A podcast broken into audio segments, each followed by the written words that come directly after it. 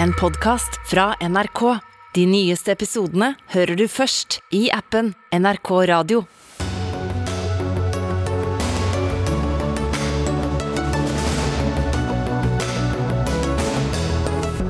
Ikke på 20 år har Norges Bank satt opp renta like mye som i dag, og framover skal den enda høyere opp. Stadig flere dør mens de venter på organdonasjon i Norge. Nå må de pårørende få mindre makt til å si nei til donasjoner, mener en professor. Nytt varsko fra tillitsvalgte i helsesektoren. Sykepleiere sier opp jobben for å kunne ta sommerferie med familien. Hvordan ble det sånn i norsk helsevesen?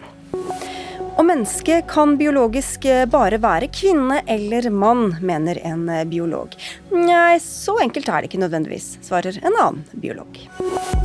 Og dette er blant temaene i dagens Dagsnytt 18 med Sigrid Solund. Ikke siden 2002 har Norges Bank satt opp renta like mye som den gjorde i dag, nærmere bestemt med et halvt prosentpoeng. Da er det sannsynligvis ikke lang tid før bankene følger etter og lånene blir dyrere og mange får mindre å rutte med. Sentralbanksjef Ida Wolden Bakke, velkommen. Takk. Hvordan er det å ta sånne beslutninger som får så direkte innvirkning på folks liv? Det er et ansvar man eh, kjenner på. Norges Bank har et viktig samfunnsoppdrag. Vi har fått et klart eh, mandat, og vi skal sørge for lav og stabil inflasjon. Men vi er selvfølgelig veldig klar over eh, at de beslutningene vi tar, påvirker mange folks økonomi direkte. Ja, for Dere setter jo da opp renta bl.a. fordi at prisene har gått så mye opp. Hva kommer dette dere gjør nå til å gjøre med den prisstigningen? Nei, Det er riktig som du sier at eh, vi setter opp eh, renten bl.a. fordi prisene nå øker mer enn på lenge. Samtidig er det også eh, lite ledig kapasitet i norsk økonomi. Arbeidsledigheten er lav og bedriftene rapporterer om mangel på arbeidskraft. Så når vi nå setter opp renten, så er det for å dempe presset i økonomien, sånn at det igjen skal bidra til at prisveksten avtar. Hva betyr det å dempe presset? Det betyr at vi eh, setter opp renten for å redusere etterspørselen etter, etter, varer og tjenester, etter arbeidskraft, sånn at eh, lønningene og prisene eh, vil stige litt mindre, som igjen da påvirker inflasjonen. Altså det er egentlig meningen at vi skal få dårligere råd, da? Ja, Det er meningen at vi skal redusere etterspørselen noe for å få ned, få ned presset, ja, og dermed inflasjonen. Men hvordan, Du sa det var et stort ansvar. Hvordan vurderer dere at dette først og fremst jo går utover dem som har dårlig råd fra før av, og mye gjeld? Jeg har forståelse for at Eh, at, en del nå blir bekymret når vi varsler en, en såpass uh, rask økning i, i, renten. Og ja, de som har lån, eh, de vil oppleve at økonomien blir strammere. Og For noen vil det være krevende, men de fleste husholdningene i Norge har økonomi til å betjene høyere rente på sin, på sin gjeld. Og så må vi også huske på at vi kommer fra et svært lavt rentenivå, og at styringsrenten fortsatt er lavere enn den var før pandemien. Og selv om renten øker, så venter vi at arbeidsledigheten vil holde seg lav i årene som kommer. Men du sa jo også at dette skyldes fordi det er jo veldig mange folk i jobb, som jo utgangspunktet er bra. Men mm. ønsker dere da egentlig at arbeidsledigheten skal gå noe opp, eller? Nei, og vi stirrer heller ikke enøyd på inflasjonen når vi, setter, eh, når vi setter eh, renten. Vi er også opptatt av, eh, og vi skal bidra til høy og stabil sysselsetting, men når arbeidsledigheten blir veldig lav, og det blir mangel på arbeidskraft sånn som nå, så bidrar dette til økt press og til høyere prisvekst, og da er det vår oppgave å sette renten slik at, det, at vi får bremset prisveksten. Men vi venter altså i årene fremover, selv om renten økes, at arbeidsledigheten vil holde seg lav. Men, men sånn makroøkonomisk så er det egentlig for lav arbeidsledighet nå, da? Ja, vi, eh, Høy sysselsetting og lav arbeidsledighet er, er eh, er fint. Uh, er for hver enkelt er det jo fint. For hver enkelt, og for, for økonomien mm. så, er det, så, er det, bra. Men hvis du får uh, for stor knapphet på arbeidskraft, uh, så bidrar det til press i økonomien som bidrar til høy prisvekst. og dersom dette fester seg, så kan det bli behov for enda kraftigere renteøkninger fram i tid, som kan utløse et tilbakeslag og gi høyere ledighet. Men dere har allerede justert opp hvor raskt og hvor høyt renta skal gå. Hva er det dere sier nå? Ja, Nå eh, sier vi at renten mest sannsynlig blir satt videre opp til 1,5% i eh, august. Eh, og Da vil renten være tilbake på nivået før pandemien. Eh, og så er det større usikkerhet om, eh, om, renteutviklingen lenger fram, men vi har en renteprognose som indikerer at renten vil bli satt eh, videre opp til rundt 3% frem mot sommeren neste år. Hva er det som har skjedd som har gjort at dere ikke har klart å forutse det, at dere har måttet endre denne rentebanen som du nå egentlig snakker om? Mm. Ja, Siden eh, vi la fram våre prognoser i mars, så har både presset i eh, økonomien, altså arbeidsledigheten, har vært lavere enn det vi har, eh, har anslått, og prisveksten har økt mer. Noe av de forholdene som har bidratt til økt prisvekst den, den, siste tiden, er jo forhold som det har vært vanskelig å forutse, bl.a. konsekvensen av krigen i Ukraina og det det har hatt å si for energi- og råvarepriser og andre priser internasjonalt. Dere har ikke så mange virkemidler å, å ty til. Hva kunne politikerne gjort annerledes eh, for at rentene ikke var nødt til å bli satt så mye så fort opp? Nei, Det er opp til politikerne å, å, bestemme hvordan oljepengene skal uh, brukes. Uh, det er riktig at uh, pengebruken over offentlige budsjetter er ett av forholdene som påvirker aktiviteten og dermed presset i økonomien. Men når vi nå varsler raskere rentehevinger enn vi gjorde i mars, så skyldes det ikke innretningen av, av finanspolitikken. Hm. Vi skal få inn noen av disse politikerne. Tusen takk skal du ha for at du kom, sentralbanksjef Ida Wolden Bakke. Tusen takk. Først skal vi få inn eh, Du er bare raska på her, eh, økonomikommentator NRK Cecilie Langum Becker. Vi hørte at det er mange ting som står mot hverandre, eller mange hensyn man skal ta. Hva ligger bak dette rentehoppet, som jo er det største vi har hatt på 20 år? Nei, altså, det ligger jo Bak der så ligger det jo en ganske sterk bekymring eh, hos sentralbanken. Det var en ganske oppsiktsvekkende nyhet som vi fikk på denne pressekonferansen litt eh, tidligere i dag. Og det, altså, det, sender et tydelig signal om at Norges Bank er veldig bekymret for de raskt stigende prisene. Så nå er jo da strategien til Ida Wolden Bakke å stramme inn ganske hardt nå, så man slipper å stramme inn enda hardere litt senere. Sånn at det, det, skal gjøre litt vondt nå, eh, og så skal det bli bedre på sikt. Det er det, er det som ligger bak dette her. Kunne det vært unngått? Altså, noen vil selvfølgelig alltid mene det, og at Norges Bank var for sent ute med å starte rentehevingene. Men jeg husker at vi satt i dette studioet her i desember i fjor, eh, der hvor Norges Bank ble beskyldt for å være umusikalsk, som hadde startet rentehevingene eh, midt i en liten sånn topp igjen i koronapandemien. Sånn at ting eh, skifter veldig raskt. Blir feil uansett? Ja, det kan man kanskje si. Eller det, det mener sikkert sentralbanken når de, i hvert fall når de får kritikk. Men det er jo klart at denne nullrentepolitikken har hatt en del uheldige bivirkninger som vi nå eh, betaler for eh, gjennom bl.a. denne prisveksten som eh, vi har. Og, at, og om det var riktig å sette den renten helt ned til null, eller om man har begynt, om man begynte litt for sent, det er vanskelig å si. Men, men noen mener at, at Norges Bank har vært bakpå her. Nå er jo, som det ble nevnt her, også renta faktisk veldig lav. Mye lavere enn eh, den var for 20 eh, år siden da dette skjedde sist. Hvorfor får det så mye oppmerksomhet, dette? Hvorfor blir det omtalt som så dramatisk at man setter opp med 0,5 prosentpoeng? Ja, selv om, selv om, vi har hatt veldig mye høyere rente før, så er det jo veldig mange som har kommet inn i boligmarkedet på den eh, tiden. Og, og gjennom pandemien så har vi jo hatt nullrente. Man er liksom ikke vant til at den stiger på den måten.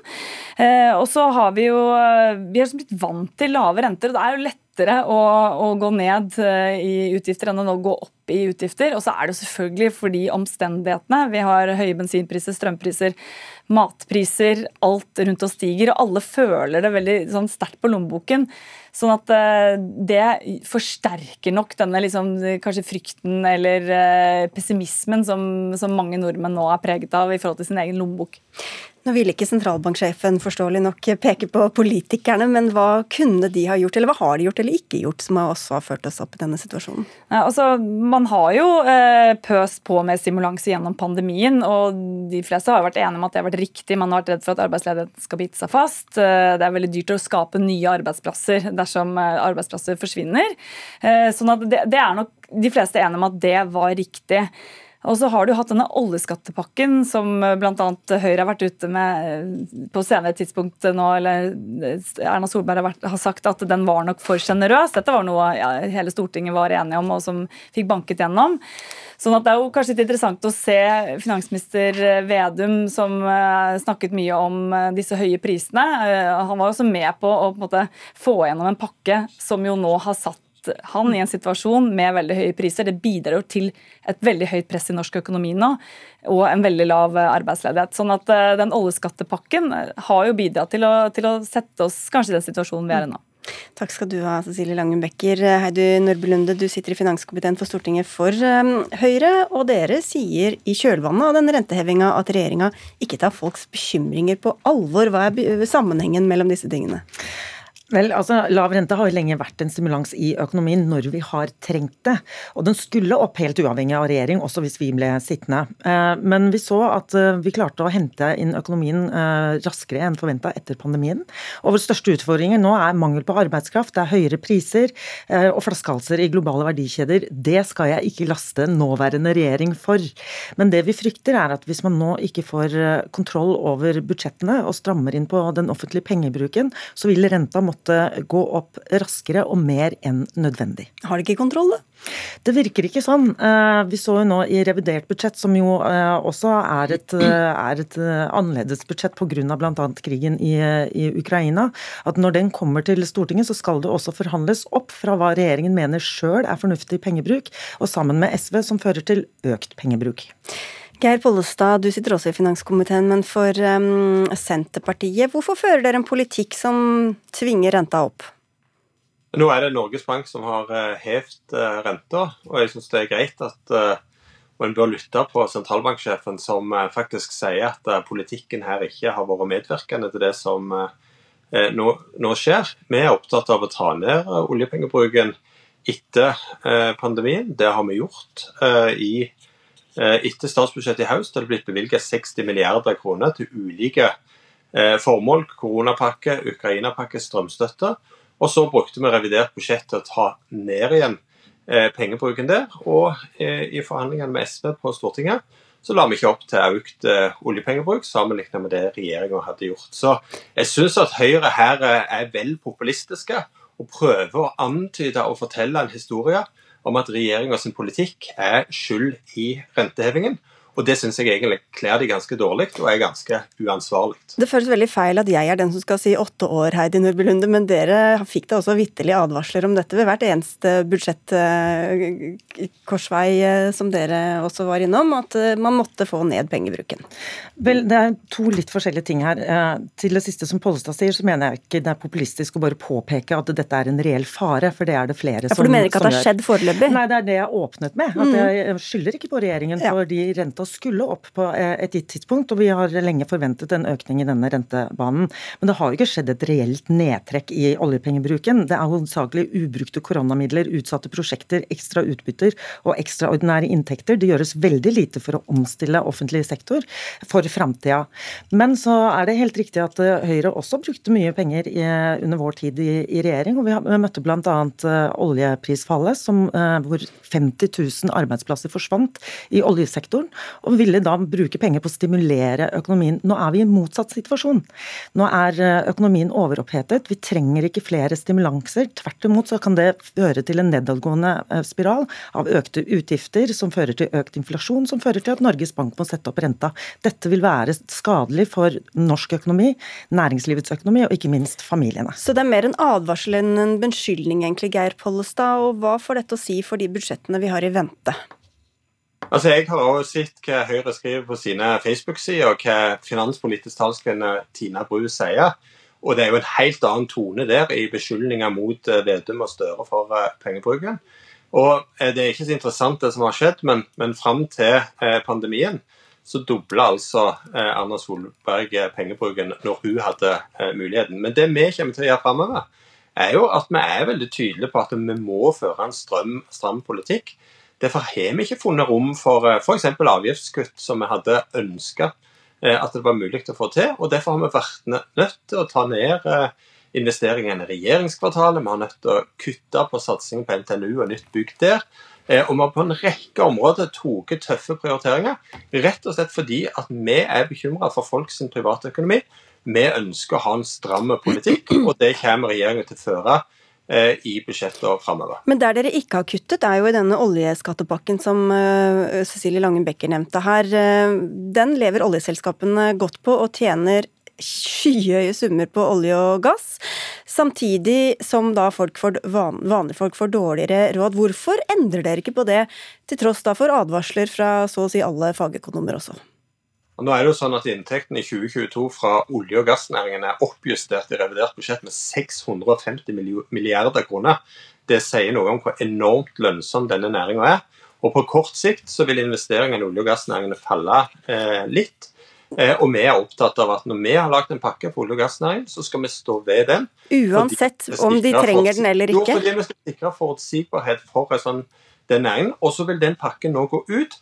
Og da har vi på plass et nytt skattesystem som er rigga for, eh, for framtida. Så vi tar dette på største alvor. Jeg mener vi fører en ansvarlig olje- og gasspolitikk og at det òg er innenfor rammen av en ansvarlig finanspolitikk.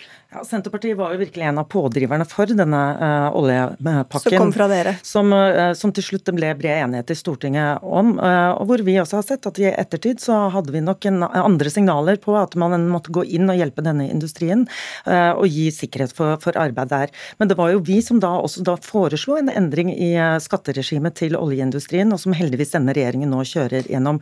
Det som bekymrer meg, er jo at nå har man midlertidige, kraftige økte inntekter som går til varige økte utgifter. og Det kommer ikke til å være bærekraftig på sikt. og Jeg frykter at det kommer til å bli verre etter hvert som statsbudsjettet kommer til Stortinget og man skal forhandle da brede forlik i Stortinget, som stort sett er brede forlik med SV. Dette blir det mange anledninger til å diskutere videre. Vi sier tusen takk i denne omgangen til deg, Heidi Nordby Lunde fra Høyre, til Geir Pollestad fra Senterpartiet og sentralbanksjef Ida Wolden Bakke.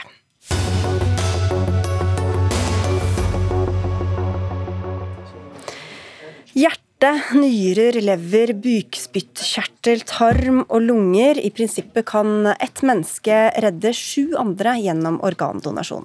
Men i fjor var organdonasjonstallene de laveste på ti år, og 38 mennesker døde mens de sto i kø for å få nye organer. Når de blir spurt, svarer bare 4% at de er eksplisitt negative til organdonasjon, men så er det også sånn at mange pårørende sier nei til at organer kan høstes, som det heter, fra den som de var glad i. Dette problematiseres i en kronikk fra Aftenpostens spaltist og forfatter Agnes Ravatn nylig, som også peker på at Sverige nettopp har endret loven og fjernet pårørendes vetorett.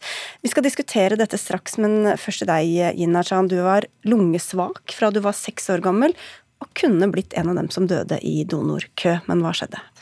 Ja, jeg kunne vært en av de som døde i donorkø, men jeg var utrolig heldig. Ehm, jeg fikk lunger i tide. Jeg hadde et ehm, eh, langt opphold hos foreldrene mine som pleiepasient fra ja, begynnelsen av 30-årene en gang.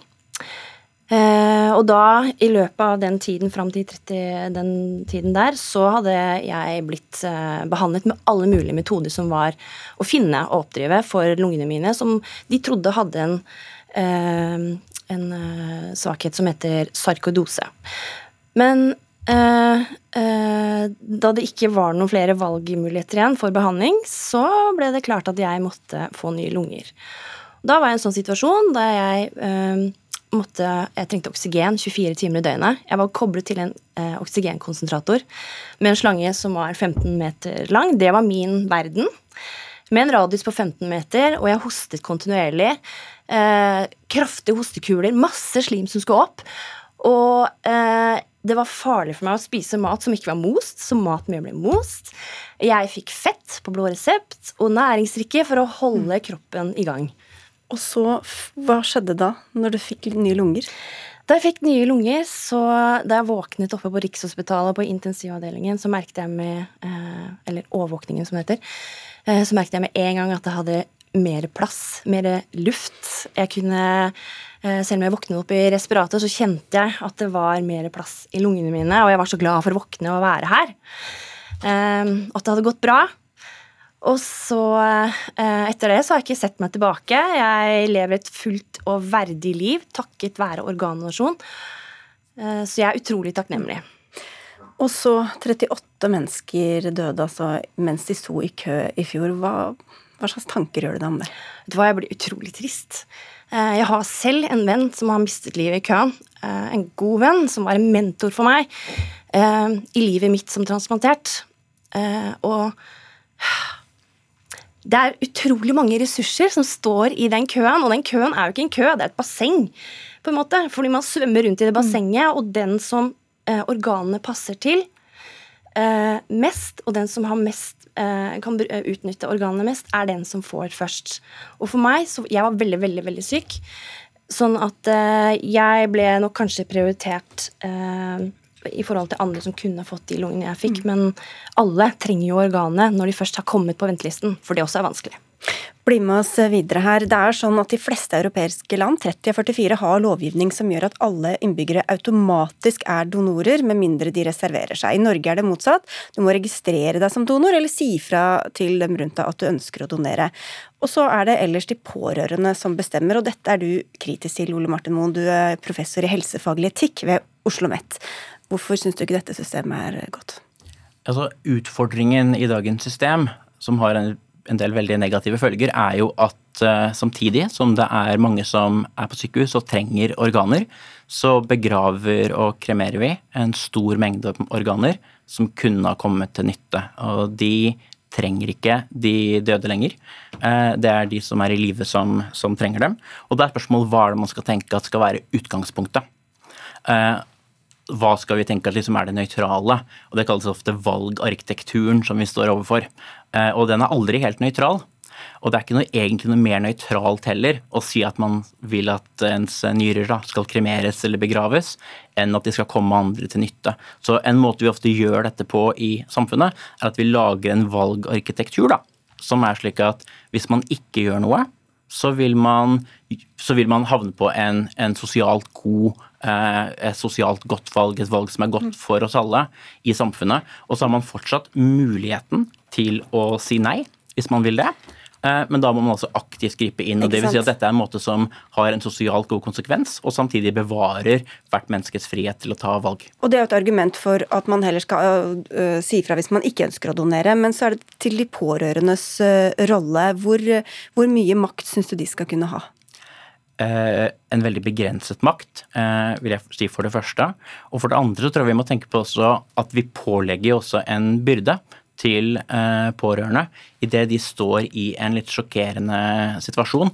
Veldig mange organer som man får inn som kan brukes til organdonasjon, er jo fra, altså i, i større grad enn ved dødsfall vanlig, ulykker blant unge.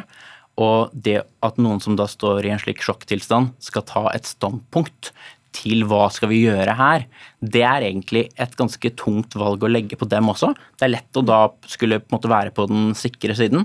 Så jeg tenker at det utgangspunktet er et eh, valg man kan ta ut av deres hender, og at pårørendes jeg skjønner at man kan bestemme over sine egne organer, mm. men pårørende tenker jeg bør ha en ganske begrenset rolle i dette. Ja, Aleksander Sikowski, du er informasjonssjef i stiftelsen Organdonasjon. Hvorfor skal de pårørende få så mye å si? Eh, det er jo en eh, ordning så å si alle land i verden som har eh, donasjonsvirksomhet, har. De pårørende er alltid involvert i en donasjonsprosess. og Det er fordi spørsmålet om organdonasjon det er bare en forlengelse egentlig av den dialogen man har med de pårørende i en intensivsituasjon. Da har man eh, lenge før spørsmålet om organdonasjon blitt holdt eh, oppdatert om eh, hvordan det går med pasienten. Er det noe håp, er det ikke? Og først når alt håp er ute, så tar man opp spørsmålet. Sånn at det er jo en ganske organisk prosess. Og så må jeg bare få si én ting til innledningen din. fordi i Norge så er det ikke sånn at du må aktivt si ja for å bli donor. Vi har noe som heter presumert samtykke i loven, som er et slags opt-out, egentlig. For det, loven sier at er, vet man ikke hva den avdøde mente, og familien stiller seg nøytralt, så kan donasjon gjennomføres. Men dere sier jo selv at ofte så skyldes avslagene at uh, avdødes ønske er ukjent, og at de pårørende velger et nei for å være på den sikre siden. Mm. Så hvordan er da dette et, et godt system? Ja, altså det, Dette med pårørendes, eh, pårørendes, vetorett er jo noe vi også har vært kritiske til. Eh, for det var veldig mye fokus på det i den nye transplantasjonsloven som kom. Man, hadde, man, skulle, de, eh, man skulle, nærmest starte samtalen med å gjøre de pårørende oppmerksom på at de har vetorett. Og det tenker vi er litt feil å gå. Men i loven så står det at man skal spørre med den hensikt å få et ja. Så man spør alltid først de pårørende vet dere hva den avdøde ønsket. Det er det man spør om aller først. Og det vet man jo kanskje ikke nødvendigvis, da, men Mon, hvordan tror du det vil oppleves for en pårørende dersom organer tas ut av kanskje barnet ditt eller forelderen din, som du nettopp fikk vite at var død, eller som akkurat er død? Ja, Det er jo en ting som skjer ved obduksjon, f.eks., som er noe som pårørende ikke kan si et absolutt nei til. Eh, det er pga. et behov vi kan ha i samfunnet. Og jeg tenker det at man eh, da kan redde et liv, at noen faktisk kan få et, et, mye bedre liv, eller man kan redde et liv, er et stort gode. Og så er det jo unektelig slik at uh, veldig mye av det som skjer innenfor kirurgi, er jo ting som i utgangspunktet er ganske opprørende å tenke på. Altså det, er, det, er, det er blodig, det er kropp. Uh, og da tenker jeg da må vi spørre oss hvor er det normalen skal ligge? Så hvor, Når er det man på en måte skal slippe å tenke på dette? Og en måte å gjøre det på, som vi har flere studier som har vist systematisk, man har analysert flere såkalte metastudier, så man også ser at det er ikke, man får ikke et fullt tilgang av organer av å ha en sånn løsning der man sier at utgangspunktet er ja, og så kan du si nei hvis du vil, men du får flere organer. Da er det færre som dør, og flere som har en bedre livskvalitet. Så det er, et, eh, det er sterke argumenter for. Mm. Hva tror du er det beste systemet? Jeg tror at systemet er eh, bra som det er. For det, eh, det er jo eh, relasjonen til eh, pårørende, altså helsepersonell, det er de som er superviktige her.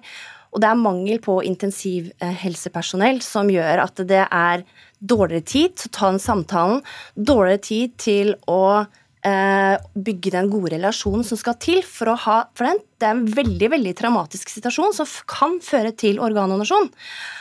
Og da eh, Jeg tror ikke jeg hadde vært så veldig komfortabel med å vite at noen eh, hadde liksom eh, grafs... Det er feil ord å bruke, men at det, at det var en velvilje bak de organene jeg har fått. altså at det, det, ikke var en velvilje bak det? Ja, ikke mm. velvilje. Ja, mm. at det var at det er eh, Alt er gjort med i den beste hensikt.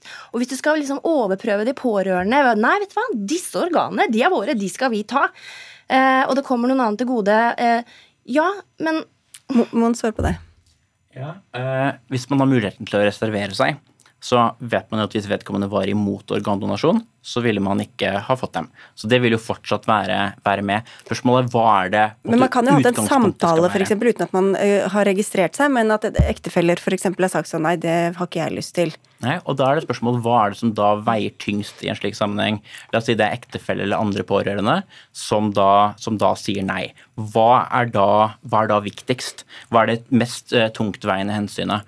Og for meg så er det ganske liten tvil om at selv om jeg forstår pårørende, at det kan være en veldig opprørende ting, så er det et veldig stort gode på den andre siden, og også et tilleggsgode ved å lage et utgangspunkt og en standard, slik at pårørende skal slippe å måtte ta stilling til dette standpunktet. Vet du hva, egentlig Det registeret som trengs, mm. det er jo registeret over alle de som dør på intensiven. Absolutt. Hvor mange av de er det som har blitt spurt, altså pårørende, i de situasjonene? Hvor mange av de uh, er det som ikke har blitt spurt? Og det mangler. Og norsk ressurs... Eh, norsk or, uh, Norad, hjelp meg. Norsk ressursgruppe for organdonasjon. Ja. Det er de som underviser Det er de som har uh, styring på alt dette her, og de trenger mer ressurser. De trenger folk som jobber heltid med dette og lære opp helsepersonell. Uh, intensivpersonell rundt omkring på donorsykehusene mm. ta de samtalene. Og, men, ja, ja. bare si fort at uh, Vi har også sett på uh, de forskjellige samtykkesystemer rundt om i verden. og Konklusjonen er den gjør egentlig ingenting for donorratene. Verken den ene eller andre veien. Spania, best i verden, de har opt-out. Der sier de helt tydelig Samtykkesystem det er vi veldig lite opptatt av. Det som fungerer Opt-out, du må forklare altså, denne interne det vil si at Det du ønsker, eh, eller det som vi egentlig har her i Norge, det er at man må aktivt reservere seg. De sier det har ingenting med saken å gjøre. Det, det som vi har gjort, er at vi har en nasjonal koordinator som sørger for at sykehusene gjør det de skal, at vi har godt, uh, kompetent helsepersonell. For dette er en vanskelig jobb. Og måten man spør på, da. Måten man spør på, det, det, er jo forskning som viser at det også påvirker utfallet. Så når du har trygge, gode uh, donorpersonell som jobber på sykehusene og jobber med dette, ikke bare på dugnad, en 5% stilling, men jobber med dette hele tiden, så blir det resultater. Det er det som skal til. Ja. Det er ingen tvil om at uh, vi trenger kompetent personell. Vi trenger kanskje bedre utnyttelse av lovverket per i dag også. Men også spørsmål hvordan er det lovverket skal være. Og Man finner selvfølgelig alltid enkeltland, man kan finne enkeltstudier, men det man må basere avgjørelser på, er metastudier, som altså ser på hva er det vi vet, gitt alle enkeltstudier av alle enkeltland. Og da har det en, en, en viss eh, effekt i, i, positiv retning å ha et system der man eventuelt må si nei. Og hvis man vil bli organdonor, selv om ikke det er noe hyggelig å tenke på, så kan man altså snakke med dem som er rundt deg, og også registrere deg. Så er du i hvert fall sikker på at din vilje skal skje, hvis den grusomme skjebnen skulle komme deg i møte. Takk skal dere ha, alle sammen. Ina Chan, Ole Martin Moen og Aleksander Sekowski.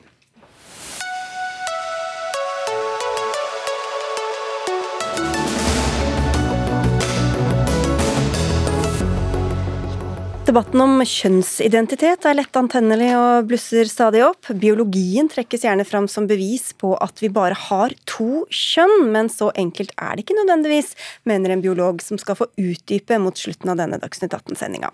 Men nå skal vi opp i lufta eller egentlig tvert imot bli stående på bakken. Det er jo fortsatt der mange fly står, for det er jo streik fremdeles for 106 flyteknikere. Nå kan det være et slags håp om løsning, for partene sitter hos Riksmekleren, der de har sittet eh, et, siden klokka 15 etter initiativ fra Riksmekleren selv. Du står utenfor og blomstrer, Haldor Asvald, reporter i NRK. Siver det noe ut fra disse forhandlingene? Nei, her er det svært stille. Døren er eh, stengt. Vi journalistene står eh, ute på balkongen her og, og venter, men ingen av eh, verken partene eller riksmekleren selv, eller altså mekleren hos riksmekleren selv har kommet ut for å si noe om hvordan dette går. Så vi får se eh, hva som skjer eh, utover kvelden. Men foreløpig er det eh, lite å melde herfra. Vi vet at de sitter her inne og snakker sammen, men hvordan de samtalene går, det er fortsatt ukjent. Har de sagt noe om hvor lenge de skal holde på, da? Det er også uklart. det vet vi ikke. Sånn at her må vi vente og se. Eh, hvordan dette går, og hva som blir, eh, om de kommer ut og, og sier noe nå etter hvert. Vi får se. Du får smøre deg med tålmodighet, Haldor. Og blir de ikke enige, så har jo NHO varslet lockout natt til søndag, altså at arbeidstakerne også skal stenges ute fra jobb. Kristine Nergård, du er forskningskoordinator i forskningsstiftelsen Fafo. Hvor sannsynlig vil du det si er med en snarlig løsning her? Jeg tror i hvert fall at det kommer til å ta både natta og kanskje morgendagen før de eventuelt blir enige. Det sto det at nå skulle man starte med blanke ark, og da har de en del å snakke om. Utgangspunktet var jo et lønnskrav på 17 fra mm, flyteknikerne her. Et krav som NHO har kalt for ekstremt. Hvordan vil du beskrive dette kravet? Det er jo et veldig heftig krav. De fleste har jo fått sånn kanskje et sted mellom 3,5 og 4% lønnsvekst i år, sånn at 17 eh, det er det sjelden vi ser. Vi snakket om dette i Dagsnytt 18 i går også, bl.a. med NHO. Da ble denne mm, foreningen, altså for flyteknikerne, NFO, kalt seriøse, og at de ikke kjenner spillereglene. Hvordan vurderer du det? De kjenner nok eh, spillereglene, de har jo forhandla lønn i ganske mange år. Men det er jo noe med at når det er en konflikt som det her, så blir det fort, eh, kan du si, harde ord, eh, harde fronter. Og det ser vi jo at det er blitt her. Litt sånn altså mer eller mindre åpenlys krangling mm. både om fakta og om hverandre. Her er det jo en ganske liten gruppe, men som kan ramme veldig mange mennesker. Hvor vanlig eller uvanlig er det? Det er jo ikke veldig vanlig at uh, man har en så liten gruppe som kan på en måte sette stort sett det som er av fly på bakken. Vi har noen få sånne grupper. altså En annen gruppe innen luftfarten er jo flygeledere. Uh, når de uh, på en måte forhandler lønn, så blir man også ganske nervøs for om flya går. Men det er jo ikke mange sånne grupper. Hva kan det gjøre, um, dette forholdet da med, med sympatien fra folk flest, som de vel også er ute etter å få, og som igjen kanskje kan påvirke forhandlingene? Tror ikke sympatien fra folk flest er så veldig viktig for denne gruppa her. Det er nok viktigere f.eks. For, for lærere, sykepleiere og den type yrkesgrupper. Eh, men det er klart eh, det har vi sett flere ganger, at når det begynner å gå på bekostning av ferieturen f.eks., da mister man sympatien. Men sånn rent generelt så er det nok lettere for en arbeidstakergruppe, en fagforening, å få sympati enn for en arbeidsgiverorganisasjon i som norsk arbeidsliv. Vi har fortsatt mange som har et lite hjerte for uh, arbeidstakerne. Takk skal du ha for at du kom, Kristine Nergård fra Fafo. Så får vi se hvor lenge de blir sittende bak her, og om de blir eh, enige til slutt.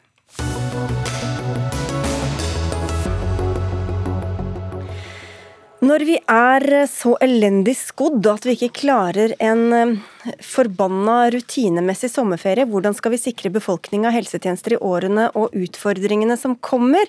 Dette skriver hovedtillitsvalgt eh, i Norsk Sykepleierforbund i Trondheim, Ingrid Berg Selfjord, i et innlegg i Midtnorsk debatt.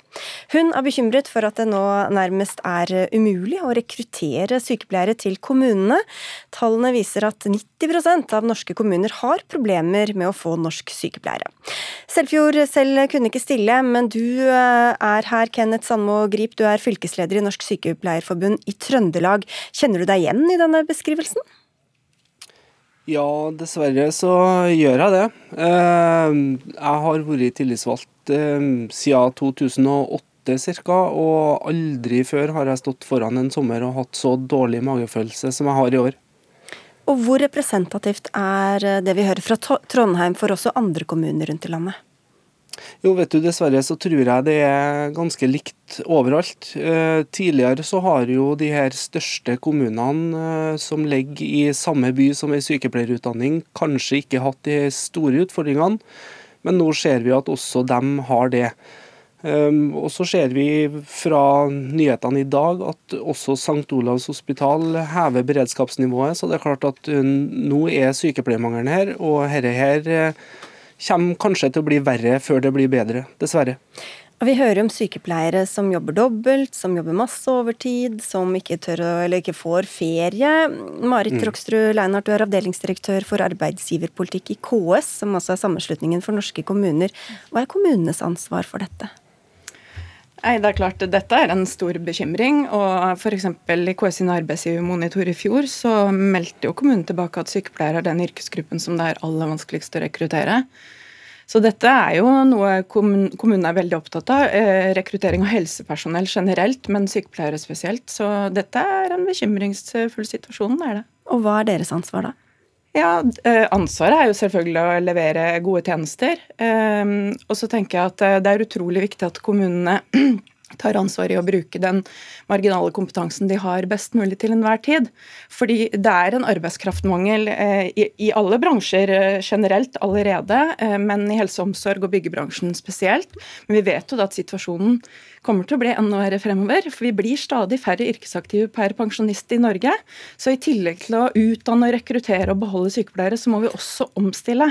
Men, men, vi hører jo at det går jo utover tjenestene og det går utover arbeidstakerne. Så hvordan har dere tatt det ansvaret som dere har da? Ja, altså eh, Selvfølgelig kommunene, også vi i KS, vi jobber på en bred front i forhold til dette. Både i forhold til å utdanne, rekruttere, mobilisere og beholde. Eh, og eh, det er noe med å klare å jobbe på alle sporene samtidig. Fordi denne utfordringen kan vi ikke ene og alene rekruttere oss ut, bort ifra. For det vil ikke være nok mennesker. Eh, og én en statsråd har f.eks. sagt vi kommer til å gå tom for folk lenge før vi går tom for penger i dette landet. Så dette er en utfordring som vi må ta inn over oss. og Vi må greie å omstille og vi må greie å bruke den marginale kompetansen best mulig. Og så må vi eh, øke aktiviteten i forhold til digitalisering, teknologi, oppgavedeling og andre ting for å også greie å omstille.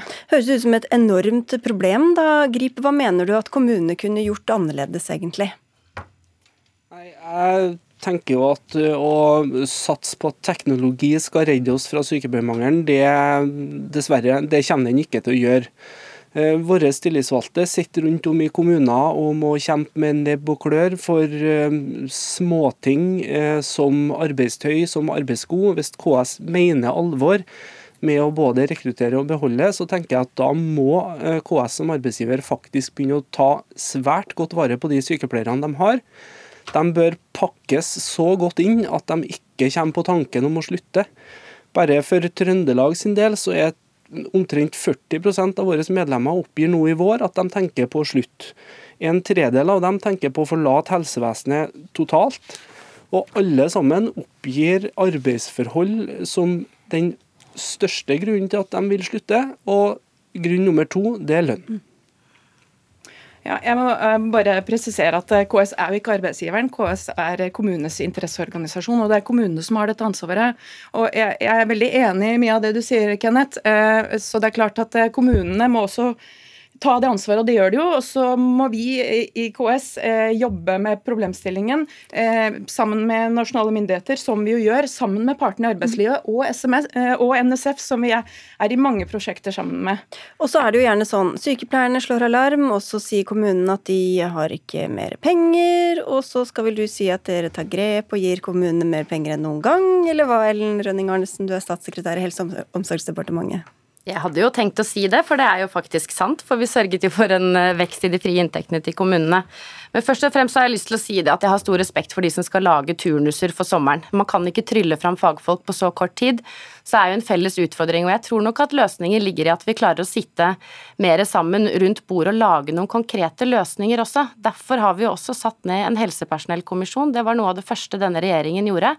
Hvor man samler alle partene rundt et bord så skal man komme fram til noen gode løsninger som skal presenteres for oss i februar 2023. Og jeg har stor tro på det, for vi kjenner jo også mer og mer på strupen hvordan dette her kommer til å påvirke oss i årene som kommer så håper jeg jo ikke at vi kommer til å gå tom for folk så fort før vi klarer å finne en god løsning, fordi de helse- og omsorgstjenestene de skal vi levere. Vi skal ta vare på sykepleierne våre og de andre som jobber i helse- og omsorgstjenesten. For dette er en døgnkontinuerlig drift, og vi må ta vare på det gode i det. Trondheim, holdt jeg på å si, gripe hva du skulle ja. inn. Mm. Uh, Eh, altså, eh, Helsepersonellkommisjonen leverer i februar 23. Eh, sommeren er nå. Sommeren kommer hvert år, stort sett til samme tid. Pasientene har ikke tida til å vente til februar. De trenger sykepleierkompetanse i kveld, i helga og nå i sommer. Men hva kan man gjøre vi, da i kveld og i helga og nå i sommer? Nei, Da må arbeidsgiverne rundt omkring faktisk engasjere seg i å klare å beholde og rekruttere flere. Det finnes sykepleiere som har gått ut av helsevesenet, det finnes helsepersonell rundt omkring, men de, de har forlatt helsevesenet pga. høy belastning og lav lønn. Vi har sykepleiere i altså, Blir de for lite prioritert i kommunene? Altså, De blir kjørt for hardt? Altså, dette er jo noe som kommunene prioriterer aller høyest, og det handlingsrommet kommunene har i forhold til å, å, å belønne, benyttes jo i stor grad retta mot sykepleiere og helsepersonell. Men det er klart at um, det er For det første så har vi akkurat hatt en pandemi. Det tror jeg kanskje forverrer situasjonen. Mange er slitne, naturlig nok, og trenger og fortjener en god sommerferie. Det gjør vi alle. Eh, og det at situasjonen er som den er nå, det, det har nok litt også med pandemien eh, å gjøre, tror jeg. Men mm. Rønning Arnesen, dette, vi har jo snakket om dette. Hver sommer så hører vi om, om personellmangel, og nå blir det jo året rundt, eh, ettersom vi hører fra Sykepleierforeningen. Hvis vi skal prøve å tenke litt nytt, da, hva kan man gjøre både på kort sikt og lang sikt for å faktisk fikse opp i dette? På kort sikt tror jeg man må prøve å sette seg ned og finne de gode turnusløsningene også. Her vet vi jo at det er jobbet fram gode modeller med, gjennom bl.a. Tørn-prosjektet som KS har vært inne i, som handler om hvordan man klarer å lage en kultur for heltid, at man klarer å se på turnusløsningen også, kanskje flere langturnuser. Så lenge både arbeidstakere og arbeidsgivere er med på dette her, når man ser hvor presset situasjonen er, så tror jeg det kan være noe av løsningen. Men det jeg er ganske sikker på, er at eh, fra et kontor i Oslo så tror jeg ikke man klarer å finne fram til det som er det akutte løsningsbehovet ute i kommunehelsetjenesten i kveld og i dag og gjennom sommerferien. Så jeg tror det er de lokale løsningene som er eh, svaret på det dere spør om. Men Grip, vi hørte jo her, det går ikke an å trylle fram eh, sykepleiere. Og én ting er jo lønn, du, dere får vel ikke mer lønn midt i sommerferien. Så hva kan gjøres da nå for at, for at man skal finne nok folk og gi gode nok vilkår for at man skal beholde de folka som er der? Det er klart det er mulig å bruke lønn også nå. Eh, det er klart det er mulig å inngå avtaler med fagforeninger om at eh, de som tar på seg litt mer nå, de får i hvert fall belønning for det. Eh, vi, vi, har sykepleiere i Trøndelag som har slutta og starta å jobbe på bensinstasjoner fordi at de vil ha kontroll på egne, egen arbeids- og fritid. Vi har sykepleiere som jobber i oppdrettsbransjen. Det er jo ikke fordi at de syns det nødvendigvis er koselig å, å være på oppdrett. Det handler om lønns- og arbeidsforhold. Dette her er det fullt mulig å gjøre noe med, men vi trenger arbeidsgivere rundt omkring som er villige til å gjøre det, og som er villige til å prioritere det. Ja, det, det, er ingen tvil om at eh, det er akkurat avslutta et lønnsoppgjør, og der er jo gruppene som jobber turnus eh, prioritert i så måte. Og det er mange kommuner også som benytter seg av eh, handlingsrommet til å betale ekstra i forhold til ulike sommeravtaler eller sommerbonus. Men så er det noe med at vi må også, samtidig som vi snakker om rekruttering og mangel, så må vi også ha med oss dette omstillingsperspektivet i hodet. Hvis vi skal levere eller gi tjenestene så som i dag, i 2040, så må hver tredje ungdom i Norge utdanne seg innenfor helse og omsorg. Det er verken realistisk eller ønskelig, for da vil det være så få igjen til andre bransjer at vi må også diskutere omstilling eh, og de behovene, samtidig som vi jobber med å utdanne og rekruttere. Men de, Nå er det særlig kommunesektoren vi snakker om. Det er jo litt forskjell på om du jobber på sykehus eller om du jobber i mm, hjemmetjenesten eller på sykehjem. Men Rønning Arnesen, du sitter altså i en Arbeiderparti- eh, og Senterparti-regjering. Hvordan kan dere sitte og se på de arbeidsforholdene også, som selvfølgelig også går ut ved pasientene, men som som norske sykepleiere lever under. Nå er, jo, nå er, det jo, sånn at Vi nettopp har sendt et forslag til Stortinget som handler om å styrke heltids, retten til heltid også. Så det tenker jeg også er Men Hvordan viktig... løser det at du må jobbe dobbelt, eller du kan ikke ta pauser, eller du aner ikke om du må jobbe overtid hver eneste dag, eller jeg tror det handler om å skape et uh, godt arbeidsklima på den arbeidsplassen du er, hvor du kan få muligheten til å utvikle kompetansen din sammen med gode kollegaer som du kjenner, og som kommer på jobb sammen med deg hver dag også, så du klarer å opprettholde gode arbeidsmiljøer på det stedet hvor du er. Det vet vi også fra undersøkelser at det er noe som styrker, og i hvert fall sørger for at man beholder den kompetansen man har. Så jeg har også lyst til å si at vi sørger jo også for at vi rekrutterer flere gjennom å opprette utdanningsstillinger, og det er også et viktig grep når vi ser framover i tid. Mm. Det er kanskje mange som tenker, eh, Kenneth Sandmo-Grip i Sykepleierforbundet også, at dere har ropt eh, krise mange ganger, og at til slutt så, når ulven kommer, så er det ingen som hører etter lenger? Ja, det er, det er, mye mulig at vi er der. Men, eh, men som, som, jeg sier, jeg har vært tilsatt siden 2008 og har aldri før hatt en så dårlig magefølelse som jeg har nå. Og alle de løsningsforslagene jeg hører fra studio i Oslo her, det er ting som fungerer på lang sikt. Det fungerer ikke i helga, det fungerer ikke i sommer. Nå er det på tide å få på plass lønns- og arbeidsvilkår som gjør at vi klarer å beholde og rekruttere tilbake helsepersonell som har forlatt eh, helsevesenet. Og det lønnsoppgjøret som KS snakker om, ja, det er endelig klart KS å prioritere sykepleiere, men fortsatt så er det sånn at du har 100 000-200 000 bedre i, utbetalt i året ved å jobbe på sykehus. Ok, og det rekrutterer ikke. Helt til slutt da, Ellen Rønning Arnesen. Eh, hvordan skal eh, pasienter og sykepleiere klare seg gjennom denne sommeren? Det er igjen tilbake til de lokale løsningene også. og Arbeidsgiver må se på de forholdene som er. Og så tror jeg også vi har et felles ansvar for å framsnakke helse- og omsorgstjenesten også som en arbeidsplass. Det er en felles oppgave framover, sånn at vi klarer å rekruttere de vi trenger for å gi trygge tjenester. Og ikke et vondt ord om å jobbe på bensinstasjon eller oppdrettsnæringen for den saks skyld. Takk skal dere ha alle tre. Ellen Rønning Arnesen, statssekretær i Helse- og omsorgsdepartementet. Marit Roksrud Leinhardt, som er avdelingsdirektør for arbeidsgiverpolitikk i KS. Og Kenneth Sandmo Grip, som er fylkesleder i Norsk Sykepleierforbund i Trøndelag.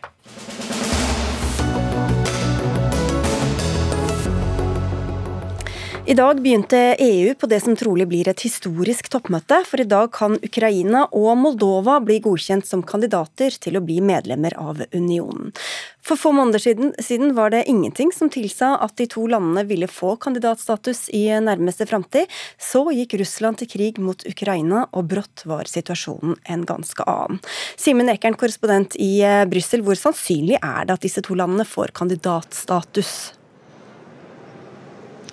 Det er veldig sannsynlig. Alle lederne som eh, ankom møtet tidligere i dag, snakket som om det allerede var et faktum. Det er ingen som har signalisert at de ikke vil stemme for det. Så eh, det blir formelt vedtatt i dag, det kan vi eh, nok slå fast. Og så er jo det store spørsmålet når kan Ukraina bli medlem av EU? For det er jo et helt annet spørsmål. Ja, hva, hva betyr det egentlig for kandidatstatus, og hvor lang er da veien til å faktisk bli medlem?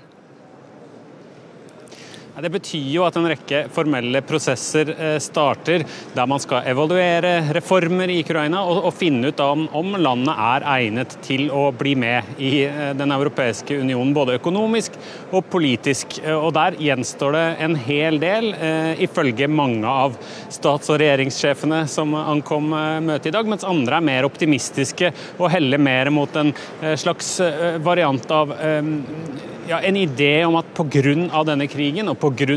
rollen Ukraina eh, spiller i å forsvare demokratiske verdier i Europa, eh, slik de ser det, så bør man kunne gjøre dette eh, raskere. Men tidligere så er jo fartsrekorden finsk, og den var på litt over tre år. og Ellers så har det jo tatt opp til ti og elleve og tolv år, så det finnes jo ikke noe fasit her. Men signalene fra en del av lederne går iallfall i retning at dette kommer til å ta veldig lang tid, men at det er en viktig symbolsk handling det EU-landene gjør i dag. Samtidig med, og også delvis pga. denne krigen, så er det også energikrise i EU, som er blitt drøftet i ettermiddag, bl.a. med den eh, norske olje- og energiministeren Terje Aasland. Hva kom ut av dette møtet? Ja, han møtte eh, visepresidenten i EU-kommisjonen, eh, Timmermans, som også er eh, sjefen for det store grønne skiftet som EU skal gjennomføre. Og I et pressemøte de hadde etter sitt møte, så fortalte Timmermans at Norge er EUs aller beste venn når det gjelder å gjøre EU i stand til å stå imot Vladimir Putin, sa han. Så det handler jo om Norge som leverandør av olje og gass. Eh, og I denne felleserklæringen som de to eh, signerte i dag, så, så gir EU eh, en voldsom støtte til videre leting etter olje og gass på, på norsk sokkel. Samtidig som Timmer Eh, stadig understreket at eh, dette på ingen måte eh, er noe som går imot EUs store og langsiktige strategi, som da handler om å gå vekk fra gass. Men akkurat nå, i denne energikrisen, så, så er Norge EUs beste venn, forsto vi. To tanker i hodet samtidig, som politikerne ynder å si. Og møtet fortsetter i morgen. Takk skal du ha, Simen Ekern.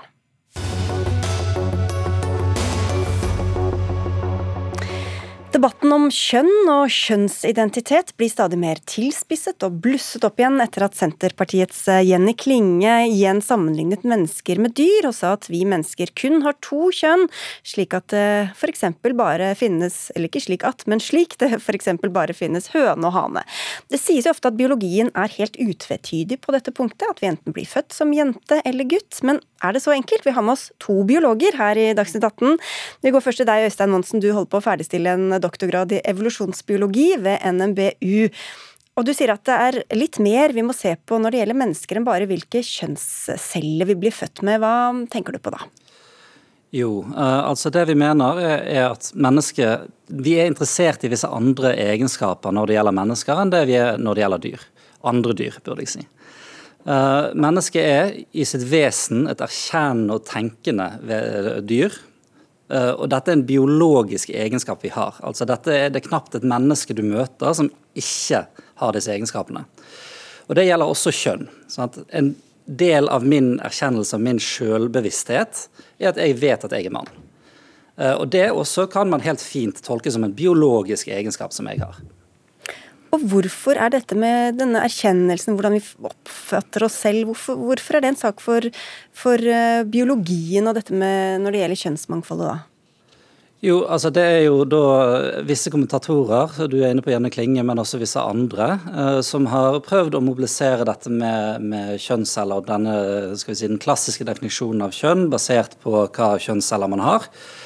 Eh, til å eh, underkjenne grunnlaget eh, til det man kaller kjønnsmangfoldstenking. Sant? Altså, De baserer seg da på en, en, definisjon av kjønn hvor hva kjønn man opplever seg som, er det som bestemmer hva kjønn du har.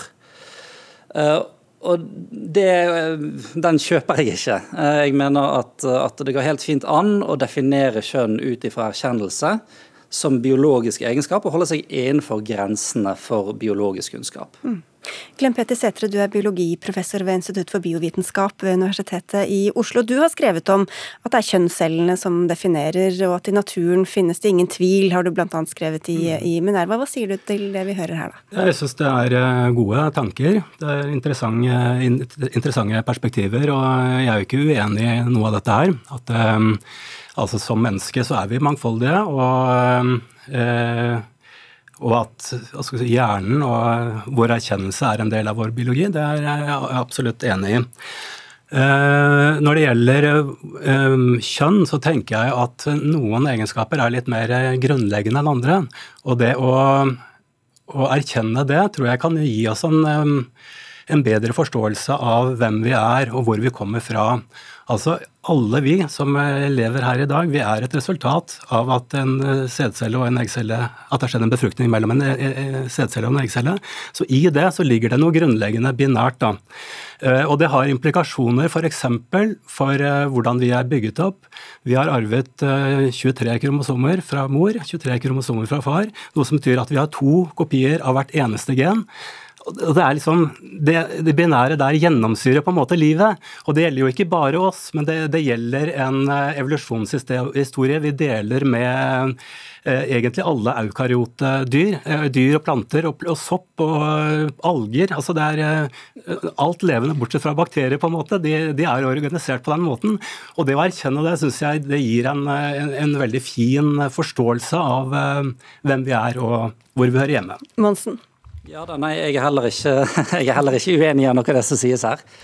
Eh, men jeg mener at, at angrepet, når man prøver å bruke dette som et angrep mot det man kan kalle skeiv teori eller kjønnsmangfoldtenking osv., så, så er det, det jeg syns at det faller, da. Eh, fordi det man prøver å gjøre, er å si at, at det disse kjønnsmangfoldtenkerne mener, går imot grunnleggende biologisk kunnskap. Altså Det er på linje med kreasjonisme, på en måte. da. Og Det mener jeg ikke at det er. Den, den, holder, jeg, eh, ja, den holder jeg ikke med. Men kan man da, hvis man er født med eggstokker og livmor, kan man da bli mann, også i biologisk forstand?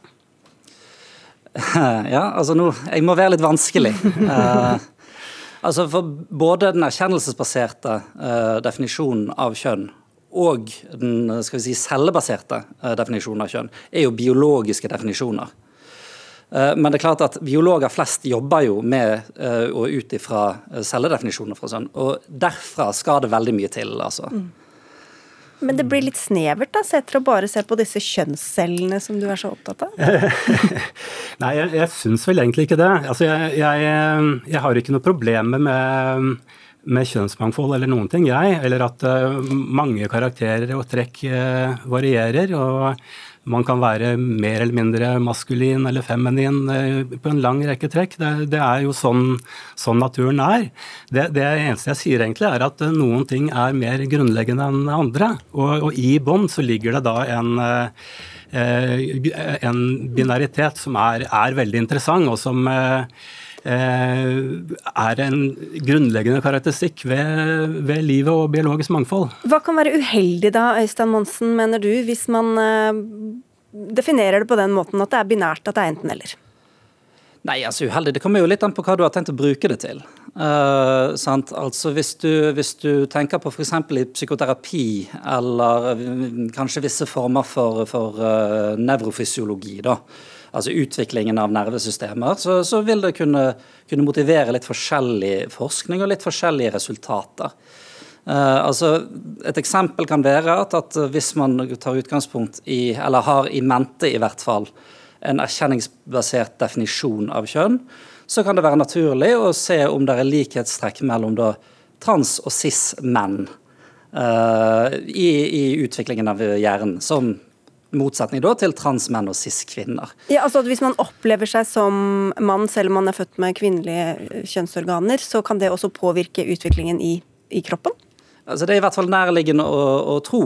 Mm. Uh, det er noe man kan undersøke, og det er mer åpenbart uh, å komme på å undersøke det dersom man, uh, man godtar at det er en mulig definisjon og en koherent, kan du si, en sammenhengende definisjon eh, for kjønn, som hviler i dette med erkjenning.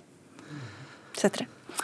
Uh, ja, jeg vet ikke hvor mye skal vi skal gå inn på uh, uh, altså hva, forskningen der. Den, den, er jo Der er det jo um, forsøksvært gjort ting. Man har sett på CT-scans av hjerner og slike ting. og Det har jo vært studier som har hevdet f.eks. å finne likheter i hjernen mellom eh, transpersoner og kjønnet de identifiserer seg med.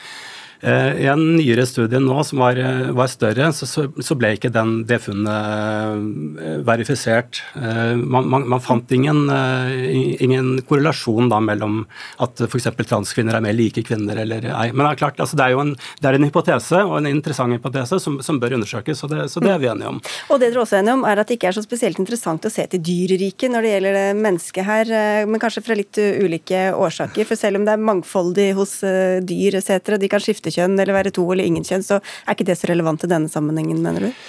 Eh, ja og nei. Altså det, det, er jo noen ting som er eh, interessant å sammenligne. At vi erkjenner at vi er dyr, og at vi, vi har samme måte å reprodusere på som det andre pattedyr har, f.eks. Men, men det er absolutt sånn at, eh, at, man lett kan gå i den fellen at man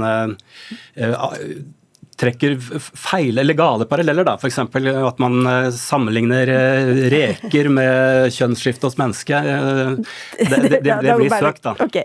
Vi får takke for den biologi-filosofitimen. Dagsnytt 18 er over. Odd Nytrøen, Ragnhild Bjørlik og Sigrid Solund takker for følget.